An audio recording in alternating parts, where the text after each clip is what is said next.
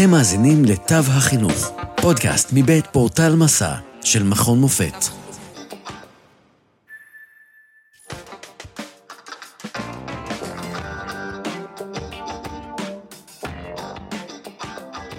על קריאת ספרים בגיל הרך עם דוקטור רותם שפירא. שלום לדוקטור רותם שפירא, ממכללת לוינסקי לחינוך ואוניברסיטת תל אביב. דוקטור שפירא היא עמיתת מחזור ב' של תוכנית הפוסט-דוקטורט במכון מופת. תחומי המחקר שלהם, קריאת ספרים לילדים, שיח ותיווך בין הורים לילדים ובין גננות לילדים, והבנה רגשית חברתית. במקביל, היא מרצה ומדריכה פדגוגית בתחום הגיל הרך, החינוך המיוחד והייעוץ החינוכי. דוקטור שפירא, מה שלומך? היי, בסדר. Uh, טוב להיות פה, תודה על ההזמנה.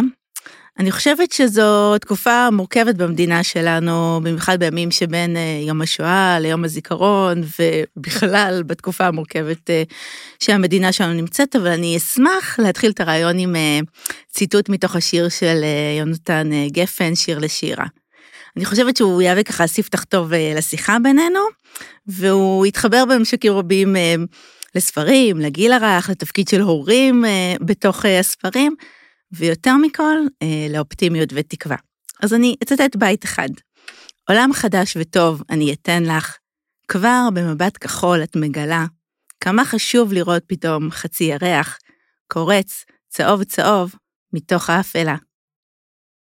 אז אה, זהו, אפשר להתחיל מבחינתי. כן, באמת אה, יונתן גפן הלך לעולמו לפני כשלושה או ארבעה ימים, והותיר נכון. אחריו מורשת אדירה של שירה, ואנחנו נקדיש את הפודקאסט הזה לו. לא, הוא לא היה איש חינוך במובן ה... הוא לא היה איש חינוך, אבל הוא, נכון. הוא כן בתחום של שירת ילדים וסיפורת ילדים, הוא כן הותיר חותם. והשאלה הראשונה שאני אבקש לשאול אותך היא, כן. מדוע חשוב להקריא לילדים ספרים? אז קודם כל, לפני שחשוב, כיף להקריא סיפורים לילדים, זה, זה הזמן של הנאה, זמן של כיף, זמן של, שההורה מבלה עם הילד שלו.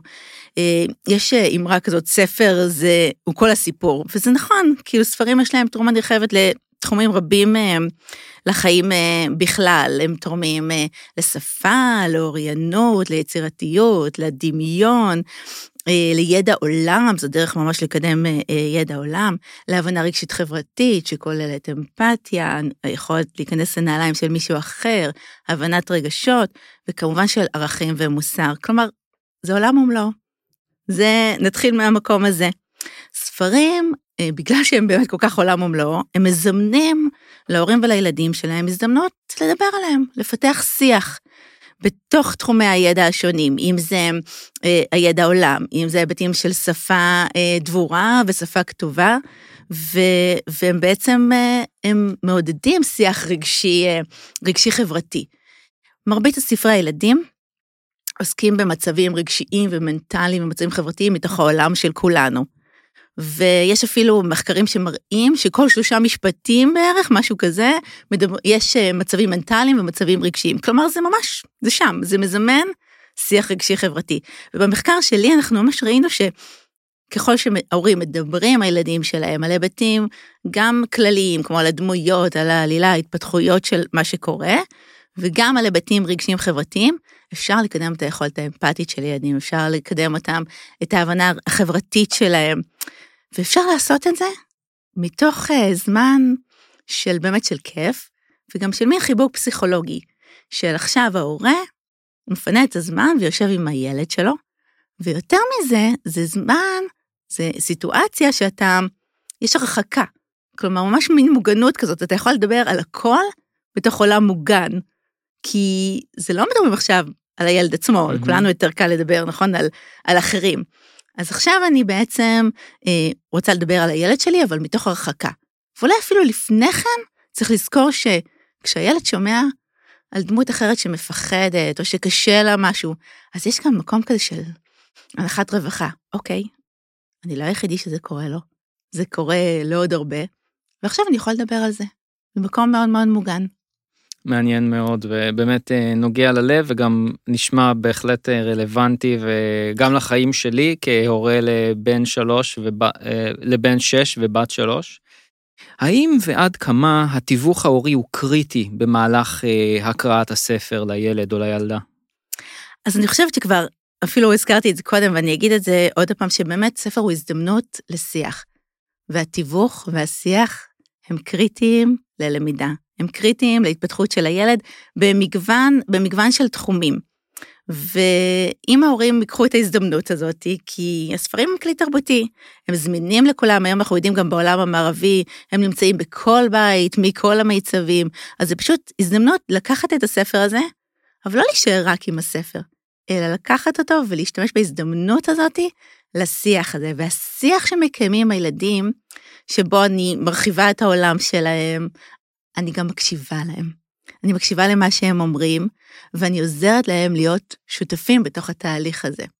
הילדים הם לא כלי קיבול, אתה יודע, שאנחנו, כל מה שאנחנו אומרים וכל מה שאנחנו עושים, זה, זה ישר משפיע עליהם, ממש לא.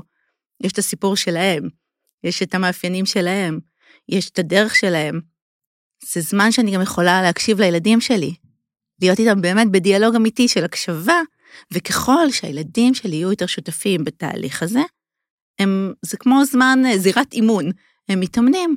הם מתאמנים על היכולות הרגשיות שלהם, הם מתאמנים על היכולות השפתיות שלהם, הם, הם, הם אה, מתאמנים על להיכנס לנעליים של מישהו אחר, הם לומדים מתוך החוויה הזאת, אז ככל שהם יהיו יותר מעורבים, הם רק ירוויחו מזה.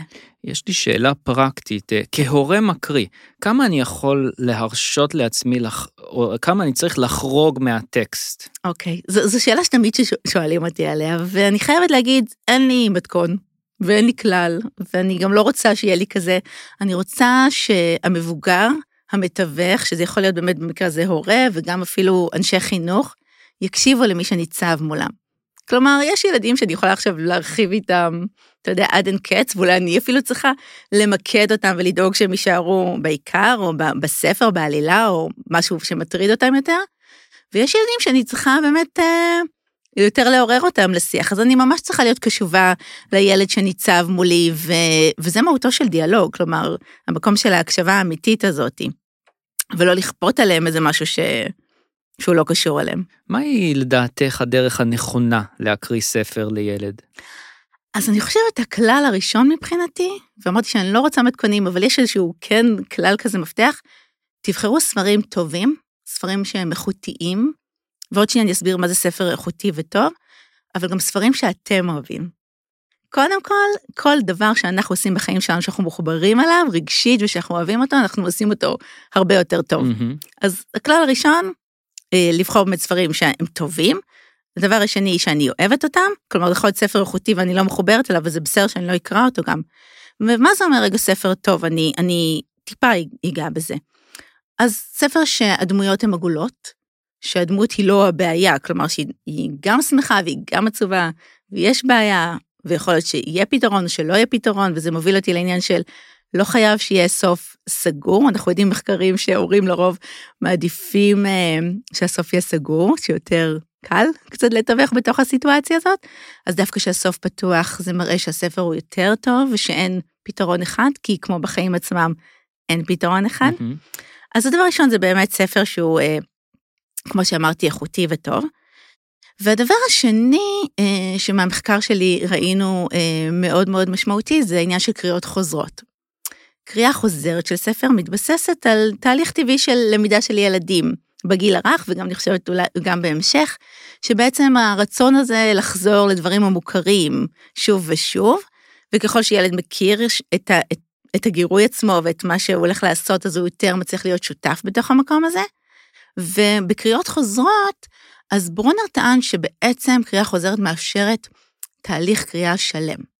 שממש מתרכז, אה, שהולך ככה מרובד אה, גלוי, שזה הדמויות, העלילה, האיורים, כל מה שהוא נגלה לנו, והולך לרבדים הסמויים, שזה יותר העניין של רגשות, מצבים מנטליים, ערכים, המסרים הסמויים בתוך הספר. וכדי להגיע למקום הזה, כדי להגיע למקום העמוק הזה יותר, חייבים לדבר עם הילדים על הרובד הגלוי. זאת אומרת, זה ממש תהליך ש, שצריך לנוע בו. והקריאה החוזרת מאפשרת לי באמת את אותו תהליך שלם, ומאפשרת להורה בעצם שהילד שלו יהיה יותר מעורב. כי כמו שאמרתי, משהו מוכר להם יותר, הם מצליחים להיות יותר מעורבים בו, וגם אנחנו רואים שההורים הולכים אחורה, כלומר מפנים יותר מקום לילדים שלהם. אז יש לנו גם את העניין של הקריאה החוזרת. אני חושבת שמקום גם של הדיאלוג, שבאמת להיות קשוב למי שאיתך בתוך האינטראקציה. ואני חושבת שכולנו חוטאים למקום הזה, כלומר, זה לא, אני חייבת להגיד עכשיו ולמד את הילד שלי ולהגיד לו 1, 2, 3, 4. לא, אני רוצה לשאול ולהקשיב לו ולהרחיב לו את הידע ולפתח חשיבה ביקורתית ולראות גם באמת, הוא פנוי ללמידה עכשיו, או שעכשיו אני מעמיסה עליו מידע ש... שהוא לא שם. אז הדיאלוג וההקשבה הם, הם גם מפתח באמת אה, לשיח שהוא טוב. ו... ואני חושבת ש... אה, שבתוך הדיאלוג הזה, אני צריכה גם אה, באמת לחשוב איך אני שואלת את השאלות, או כמה אני שואלת אותן, אולי אני ארחיב על זה עוד, עוד בהמשך, אה, יותר לעומק. דיברנו מעט על תיווך הורי, ואני כן. רוצה לשאול אותך כעת, כיצד יכולות גננות להשתמש בקריאה או בהקראה של ספרים לצרכים פדגוגיים? איך זה יכול להיות מבוצע כשאנחנו באחד על אחד מול הילד זה דבר אחד, אבל איך אנחנו יכולים או יכולות לעשות את זה כשהגננת uh, נמצאת מול 30 uh, ילדים וילדות? אז נכון, זה באמת קצת סיפור אחר, אבל עדיין נשען על אותם עקרונות. אה, והעיקרון הכי חשוב, באמת, שני דברים שהם חשובים. אז אמרנו, ספר הוא הזדמנות לשיח במגוון של תחומים, ושיח, באמת, כמו שאמרת, הוא לא, הוא, כשהוא מתרחש אחד על אחד הוא יותר קל. בתוך הגן עם 30 ילדים אני לא יכולה לקיים שיח. Mm-hmm. כלומר, קריאה במליאה היא קריאה חווייתית, היא קריאה של חשיפה, היא קריאה של שיתוף, אבל היא לא קריאה של דיאלוג. ואנחנו, כאילו, מה שאני מנסה להגיד, או מה שבעצם המחקר שלי הראה, שהשיח הוא מרכזי. שהשיח הוא מרכזי כדי לקדם את כל התחום, התחומים הללו. ובגן אז אני הייתי ממש, אני חושבת שכדאי לקיים קריאה חוזרת, ולקיים קריאה שהיא בקבוצה קטנה. Mm. ויותר מזה, קבוצה קטנה קבועה לספר מסוים, כלומר, תהליך שלם של קריאה חוזרת, כי בעצם יש פה הבניית ידע משותפת. יש פה תהליך של דיאלוג בין הגננת לבין הילדים, ואחר כך דיאלוג בין הילדים לבין עצמם. אז יש פה עוד דבר נוסף mm-hmm. חשוב שקורה, את הלמידת עמיתים. ו, ואני, ועוד יותר, אם אני מדגישה כמובן את העניין של דיאלוג, אני חושבת שאנחנו לא כל כך יודעים לקיים דיאלוג, לא מבוגרים ובטח ובטח לא ילדים, וזו הזדמנות מדהימה ללמד ילדים, לנהל דיאלוג, להקשיב, להיות מבוסתים, אה, ל- להסכים או לא להסכים, חשיבה ביקורתית, אבל ממש אה, תהליך של דיאלוג אה, אמיתי, שמתוך הקשבה. אז אני, חוש, אני חושבת שבגן הכרחי שקריאת ספרים יהפכו להיות חלק מהפדגוגיה, ולא רק אה, פינת ספר, אתה יודע, הספרים נמצאים בגן, כמו שהם נמצאים mm-hmm. בכל, אה, בכל בית, הם נמצאים בגן ויש פינות ספר בכל הגנים, ואני חושבת שמרבית הגננות גם קוראות ספרים ורובן במליאה. אבל המחשבה היא באמת לעשות תהליכים שיותר של עומק, יותר של דיאלוג, יותר של שיח, כדי לקדם את כל תחומי ההתפתחות השונים. אני מבקש לשאול שאלה בהיבט המגדרי. אה, את מתמקדת במחקרייך באימהות, נכון. ורציתי לשאול האם לאבות יש תפקיד שונה בהקראת ספרים? אז תראה, אז אני מתמקדת באימהות, באמת, קודם כל מרבית המחקר שעוסק אה, אה, בהורים מתמקד באימהות, mm-hmm. ואתה לא תאמין למה. מדוע?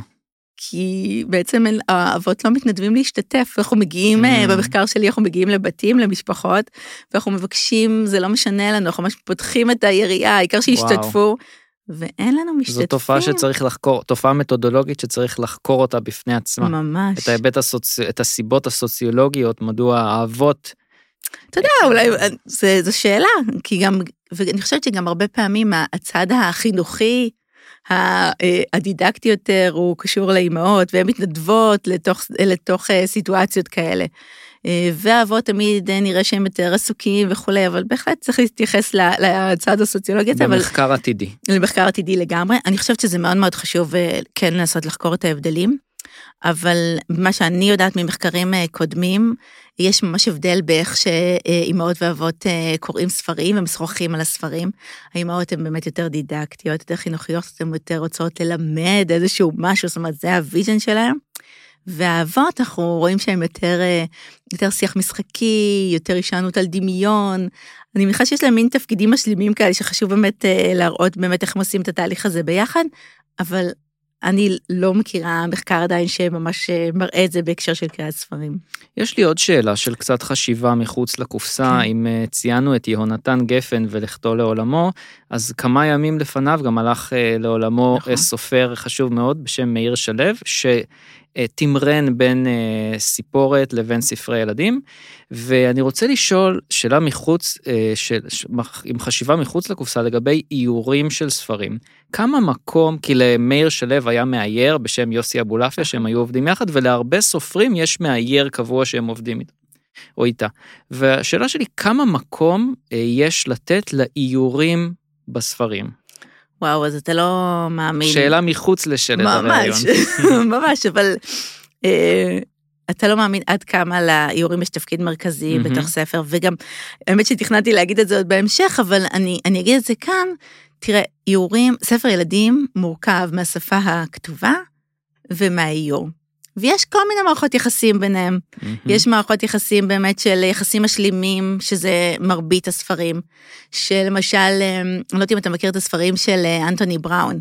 אז אנטוני בראון הוא, אה, הוא הכותב והוא המאייר. Mm. הוא ממש, זה, זה ספרים שהם אמנות. עכשיו, אתה רואה איך הטקסט מספר את הסיפור, ואיך הטקסט הכתוב, סליחה, הטקסט הכתוב והאיור מספרים את הסיפור ביחד. מהמם. כלומר, אם אתה מוריד אה, משהו מהם, אתה לא יכול להבין את הסיפור השלם. אני תמיד מנסה את זה עם הסטודנטיות שלי, שאני מראה להם רק את האיורים, אוקיי, תגידו מה הסיפור. הוא לא תואם למה שבאמת הסיפור, כי האיור והטקסט משלימים אחד השני. בהקשר של מאיר שלו, הרבה פעמים יש אה, האיורים שלו, אני חושבת הם, הם גאונים שניהם.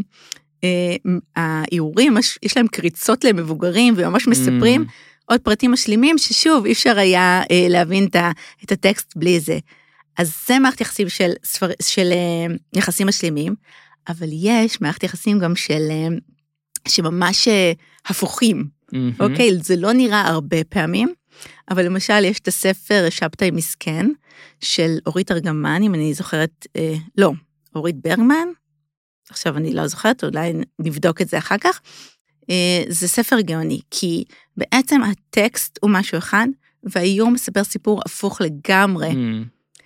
אז זה מדהים לראות את זה, וזה בדיוק המקום של תיאוריית ה mind, להבין מה מישהו אחר חושב, כשכל אחד מהם מספר סיפור אחר לגמרי. אז אני חושבת, וזה גם אה, אה, שספר, וספר טוב, הוא בהחלט בנוי על הטקסט הכתוב והאיורים ביחד, והשיח והתיווך של המבוגר שנמצא שם, אמור לעזור לילדים בעצם להבין את שני הרבדים הגלויים האלה, ולהוביל אותם לרבדים היותר עמוקים. וגם יש הרבה פעמים, שזה, וזה המקום שאני ככה, שנורא נחמד לראות זה, שאת, לראות עד כמה באמת ההורה קשוב לילד שלו. כי יש הרבה פעמים אה, דברים שההורים בכלל לא שמו לב, הילדים שלהם שמים לב בתוך האיורים, אתה יודע, כי הם מתעמקים באיורים. אנחנו יודעים ממחקרים שבדקו ממש את התנועת עיניים, שהילדים מסתכלים על האיורים. אם אני אפנה אותם Mm. להסתכל על השפה הכתובה, הם יעשו את זה. אבל הם ממש מתמקדים באיורים, והם מגלים הרבה פעמים דברים אחרים או דברים חדשים, ואם ההורה באמת יהיה קשוב לילד שלו ויתייחס לזה, אז הם רק ירחיבו את, ה, את הידע ואת השיח. יפה מאוד. מהן ההמלצות שלך למו, להורה שמקריא ספר לבנו או לביתו? אמ, אוקיי, אז אני חושבת, כמו שאמרתי ככה, אה, גם קודם, אני, אני אתן עכשיו גם קצת יותר דברים, רעיונות פרקטיים, אבל בגדול, כמו שאמרנו, לבחור ספר טוב, אמרנו באמת את העניין של קריאות חוזרות ותהליכים, הרבה פעמים אה, הורים שהילד שלהם אומר אה, עוד פעם, הם אומרים לא, לא עוד פעם. אז תדעו שיש לזה חשיבות אה, אה, לשיח וחשיבות חינוכית אה, לתהליך הזה ולביטחון של הילד. אני חושבת שכמו שאמרתי באמת, תראו את הספרים כהזדמנות לזמן איכות וזמן של שיח עם הילדים שלכם. ואפשר לקדם באמצעות הספר את כל תחומי ההתפתחות, אבל חשוב גם לשים לב שבעצם אני שואלת שאלות שהן פתוחות. למשל, לא שאלות שהן אה, סגורות, אה, הוא מרגיש עצוב? כן. לא, אוקיי. התק... לא התקיים שיח כשהשאלות פתוחות. מהמם. אחרי, אה, גם מעבר לזה, כל אמירה ודרישה שיש במקום להרחבה, למשל, שאלות שאני אשאל, מעבר לשאלות הפתוחות, שאלות שיש בהן דרישה להרחבה. למה הוא מרגיש עצוב? ואז זה מקום שילד יכול להוסיף את המידע. למה האריה שאהב תות כל כך, אה, כל כך רוצה תות, או למה הוא עצוב? אם ניקח אותו כדוגמה, זה ספר זה קלאסי. קשה, זה ספר לא. קלאסי שיש עליו גם... אה, ביקורת? בטח. שהייתי נזהרת מלקחת אותו אה, אה, כדוגמה, אה, אבל, אבל הרבה ספרים, אה, אני מאוד מאוד אוהבת את הספרים של אנטוני בראון, אז תמיד אני מצטטת אוקיי. okay. מתוכם, וגם זה היה חלק מהדוקטורט שלי. אז למשל, זה ספר אה, בילי אלוף. בכלל, כל, כל אה, הספרים של אה, אנטוני בראון הם יצירות מופת, אז זה, זו המלצה.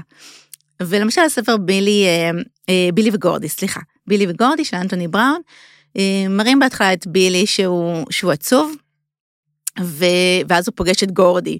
הוא פוגש את גורדי, הם נפגשים, אה, הוא עצוב כי הוא מרגיש בודד.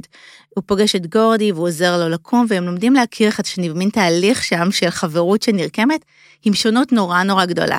בילי קטן וגורדי הוא נורא נורא גדול, אה, בילי אוהב אה, לקרוא וגורדי אוהב יותר אה, ספורט, הם מאוד שונים, עד שמגיעים לשלב שבאמת הם רואים אה, עכביש. ובעצם גורדי עם כל הגודל שלו מפחד מהעכביש, ובילי עוזר לו ומרגיש מאוד מאוד מרוצה, והם הופכים להיות חברים מאוד מאוד טובים, שכל, למרות השונות ביניהם. אז, אז הרעיון הוא בעצם באמת אה, להרחיב את הידע. אז למה, למה, למה בהתחלה בילי היה עצוב? למה בסוף בילי אה, שמח? מה התהליך שקורה להם? כלומר, ממש לעבור עם הילדים איזשהו תהליך של, של שיח של הרחבה ושיח של גם שאני מבקשת מהם להיות שותפים אה, בתוך השיח הזה. וכמו שאמרתי, אני חושבת שבאמת המעבר הזה מהגלוי, מהדמויות, מהאיורים, למקומות של הרגש, מצבים מנטליים, אה, של הכוונות של מישהו אחר, של המסרים העמוקים שיש שם, יש שם מצב חברתי שאני חושבת שאין ילד שלא עובר, אין אדם שלא עובר, כולנו מרגישים לפעמים בודדים ושקשה לנו, אז רגע, איך יוצאים מהמקום הזה, מה קורה בתוך הסיפור הזה. אני חושבת שזה נורא חשוב להבין שהמצבים החברתיים והרגשיים הם חלק מהסיפור, ויש לי הזדמנות אה, לדבר על זה עם הילדים שלי במקום מוגן, בלי שזה עליהם באופן אה, ישיר, ו- וילדים משתפים, וילדים משתפים ו- ורוצים לשתף אה, בתוך המקום הזה. מה תייעצי לאם שבנה או בתה אינם אוהבים לקרוא סיפורים, משתעממים, או אפילו מביעים התנגדות לקריאת הסיפור? אז אני חושבת שילדים בגיל הרך, כשההורים שלהם, אה, וגם במסגרות החינוך שלהם, חושפים אותם ומעניקים להם ספרים ואת חוויית הקריאה כבר מהרגע שהם נולדים, אני לא כל כך מכירה ילדים שלא אוהבים את זה. כלומר, קודם כל, זה, זה באמת, זה העולם של הילדים. זה מחובר לעולמם, זה מחובר לחוויה שלהם כילדים, ו, והרעיון הוא באמת להגיש להם את זה, לחשוף אותם, ולצד זמן איכות, איזה ילד לא רוצה זמן איכות עם ההורים שלו, אנחנו יודעים בתוך העולם הסוער שלנו, אה, אין ילד שלא רוצה את הזמן הזה, אז אני לא כל כך מכירה ילדים שלא אוהבים. אבל, אני כן חושבת שלפעמים בדרך הזאת הורים, וגם אנשי חינוך, שוכחים את, ה, את הפאן, את הכיף שבתוך זה.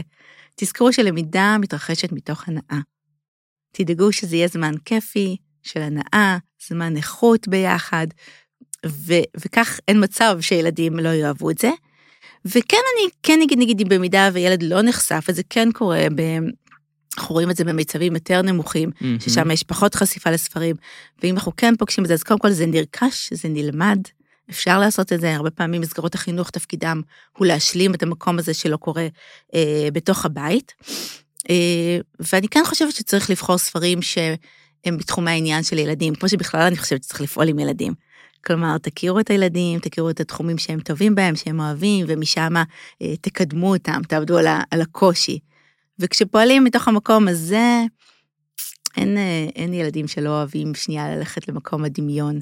אני כן יכולה להגיד שאתה יודע, אם יש ילדים שהעניין של קשב זה המקום שיותר קשה להם, אז יש ספרים שהם אה, הם קצרים יותר, ואפשר לעשות התאמות, ולא תמיד חייבים לדבר, mm-hmm. צריך לזכור את זה שלא כל המרבה הרי זה משובח, לפעמים, לפעמים מספיק מעט, והכל צומח, ו, ו, וצריך להיות מתוך הקשבה לילד, וכמובן לא להכריח, אלא לעשות את זה באופן אה, תהליכי.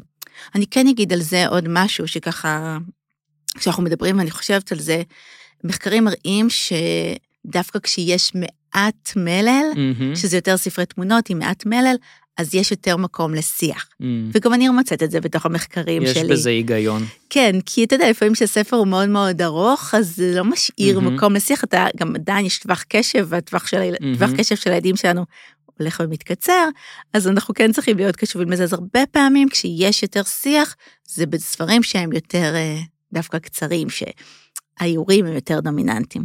יש לי שאלה עקיפה בנושא עבודת הדוקטורט שלך. כן. האם בעבודת הדוקטורט שלך התמקדת בספרים אה, עבריים או לועזיים? אז בעבודת הדוקטורט שלי, כמו שכבר רמזתי קודם, אה, שאני מאוד אוהבת את הספרים של אנטוני מהמם. בראון, אז בחרנו את הספרים שלו. כי עשינו מחקר מקדים והיינו צריכים ספרים, ראינו שבעצם הורים משוחחים יותר עם הילדים שלהם כשהספר הוא ספר אה, עם סוף סגור, מהמם. שיותר, אה, בעצם כשזה יותר מובנה, יותר קל להם, כשהספר יותר דידקטי, יותר מלמד משהו מסוים, יותר קל להם לדבר עם הילדים שלהם. ראינו גם שיותר קל, שהם יותר מדברים כשהספר עוסק במצבים רגשיים אה, פחות טובים. אה, ו, ואנחנו יודעים גם במחקרים אחרים שככל שיש מעט מלל, אה, אז הורים מרחיבים יותר. והדגש בדוקטורט שלי היה בעצם לבחון את השיח של הורים וילדים בעת קריאה חוזרת של ספר. אז בחרנו ספר שבאמת עונה למחקר המק- המקדים שעשינו, והשתמשתי בס- בספר של אנטוני בראון. בהמשך, אה, בהמשך המחקרים שלי, הספרים באמת הרבה יותר מגוונים. זה לא כל כך משנה לי אם זה, אני מסתכלת על ספר, אה, אה, ספר שהוא יהיה ספר איכותי וטוב, שהדמויות עגולות, שהוא מספר סיפור שלם. אני כן חושבת שחשוב שהסוף יהיה פתוח ויעורר מהמם. מחשבה, ו- ואני משתמשת דווקא בספרים שהם ממש מגוונים. יש סיפורים עבריים שנכנסים לקט... לקריטריונים הללו, לקטגוריות האלו, או אם יש ספרים עבריים שהיית יכולה אה, לציין לשבח או לציין לחיוב? בטח. אמ, אז תראה, למשל, אה, עכשיו ספר שעולה לי שקראתי אותו לבת שלי, שהיא אה, בת חמש וחצי, אה, זה הילדה ניסתה, של אה, הסופרת שכתבה את כרמל, רגע, אנחנו נזכר גם בשמה, מאירה ברנע, שאני מקווה שאני לא ממציאה עכשיו. אה, ספר מדהים, שבאמת מראה, גם, אני חושבת שהוא ברובו ספר תמונות עם מעט מאוד מלל, מתאר סיפור על ילדה ש, אה, שמנסה עד שהיא מצליחה, והיא ממש צריכה להתעלם מכל הסביבה שלה. אה, עכשיו באמת, בעקבות מאיר שלו, אני עוד יותר חזרתי לספרים שלו, אז זה יצירות מופת, אי אפשר שלא אה, לקרוא אותם. הם יחסית ארוכים, אבל הם מהמם. יצירות מופת. עוד ספרים אה, של סופרים אה, ישראלים, אז כמו שאמרתי, שבתאי מסכן, של אה, אורית ברגמן, יש את סעודה של המלכה. אה, עם עוד ככה בשלוף שאני חושבת על זה, אני צריכה עוד קצת לחשוב על ממש ספרים, אבל יש ספרים מדהימים. אולי, אולי כן חשוב להגיד שיש המון ספרי ילדים. כלומר, כל מי שרוצה, מהמם. אין לזה פיקוח או משהו כזה. כל אוקיי. מי שרוצה ואיך שהוא רוצה, מוציא ספרים לילדים, ולכן פה כן חשוב שנייה לעשות תהליך אה, ו- ולבחון, אה, אה, ולבחון את הספרים, ולבחון אם אנחנו מתחברים אליהם. יש לרוב רשימות, יש ספריות, ממש יש רשימות של ספרים מומלצים שצריך לצעוד איתם, ו- והם מדהימים. אה, אם ככה אני אחשוב על זה עוד קצת אחר כך, אה, בטוח יעלה לי עוד. יש לי שאלה היפותטית אה, והיא לא פשוטה. כן. אם היית מפקחת או מרכזת מקצוע בחינוך הקדם יסודי, מה היית ממליצה או איך היית מנחה את גני הילדים, אה, מה היית מנחה אותם לעשות בנושא של קריאת ספרים בגן? אז אני חושבת שבאמת, כמו שאמרתי לך, אני חושבת שבכל גני הילדים, ספרים הם חלק אה, מהעולם, והם חלק מהמשחק, והם חלק מהפינות שלתוך הגן. אה, אני, אני כן חושבת שהייתי ממליצה להם אה, לקרוא קריאה דיאלוגית בתוך קבוצה קטנה. כן הייתי ממליצה באמת לעודד את השיח שמתרחש בתוך, בתוך הספר, ו, ואני חושבת ש... שבעצם אה, לקחת את הספר ו, ופשוט לעבוד איתו. אני חושבת הרבה פעמים מה שקורה, שהספר הופך להיות כלי לאיזושהי עבודת אומנות, או איזושהי יצירה, ואחר כך ממש לתוצרים. ואני רוצה להישאר בשיח. כלומר, בשיח, בתיווך, בהקשבה לילדים. זו הזדמנות מדהימה של הגננת להכיר את הילדים בגן שלה, הרי 30 ילדים זה המון, זה מאוד מאוד קשה. וכשאני עובדת בקבוצה קטנה, ביחד עם גירוי מסוים, עם, עם ספר, אני יכולה ממש להכיר אותם, לקדם אותם, לראות את החוזקות, את החולשות שלהם, במה אני צריכה לעבוד איתם, לפתח ביניהם למידת אמיתים, לעבוד על דיאלוג, לקדם את ההיבטים שנמצאים בתוך הספר. אה, בכלל, עבודה בקבוצה קטנה אה, היא דרך מדהימה אה, לדיאלוג, וספר ממש עוזר לנו לעשות את זה. מהו לדעתך עתידו של הספר המודפס בעידן המקוון והדיגיטלי? האם לדעתך גם בעתיד נקריא ספרים לילדים מתוך אה, מסך של טלפון חכם או נייר ודף כמו היום? אז אני אישית, אה, והמחקר שלי מתמקד בקריאת ספרים, אני לא חושבת שזה או-או. Mm-hmm. כלומר, אני חושבת שהכל יכול להתנהל גם וגם. אני חושבת שהדבר הכי חשוב, וצריך לזכור את זה, ומדברת על זה אה, פרופסור אה, פטרישיה כהל, שהיא אה, חוקרת מוח, והיא בעצם מראה איך ילדים לומדים שפה. וילדים לומדים שפה באמצעות מבוגר, באמצעות אינטראקציה, mm-hmm. באמצעות שיח, כלומר, אם אני אראה לו סרטונים בממוחשבים אה, אה, או וכולי, אתה יודע, במחשב או, או אפליקציות, זה לא מה שיקדם את השפה שלהם, מה שיקדם את השפה שלהם זה התיווך, המבוגר, האדם. אז אני חושבת שזה הדבר המרכזי. כלומר, שכשיש שיח ותיווך ואינטראקציה בין, אה, בין מבוגר, שזה הורה או גננת, לבין הילדים, זו ההזדמנות הכי טובה ללמידה. אני חושבת גם ואני לא חקרתי את זה עדיין, אבל אני מניחה שבהמשך זה גם יהיה, אה, ש, ששיח מתקיים בכל מיני מצבים. אז הוא יכול להתקיים גם עם, עם, אתה יודע, עם סרטים, מצגות, ביוטיוב.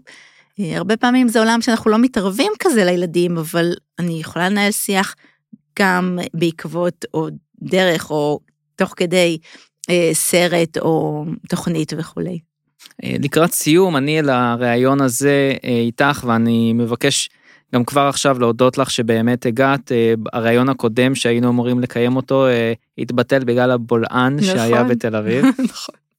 אבל הנה דבר לא יעצור אותנו ראית. נכון זה באמת אה, סגירת מעגל פה וזה שזה מצולם זה גם סגירת מעגל היסטורית. אה, אני לרעיון הזה לא מגיע כמומחה אקדמי, אלא כמומחה של החיים עצמם, כי אני נמצא עכשיו בעיצומו, בעיצומו של תהליך ארוך שנים של גידול אה, בן ובת, בן שש ובת שלוש, ויש אה, פרויקט במשרד החינוך שנקרא ספריית פיג'מות, את שמעת עליו? את מכירה אותו?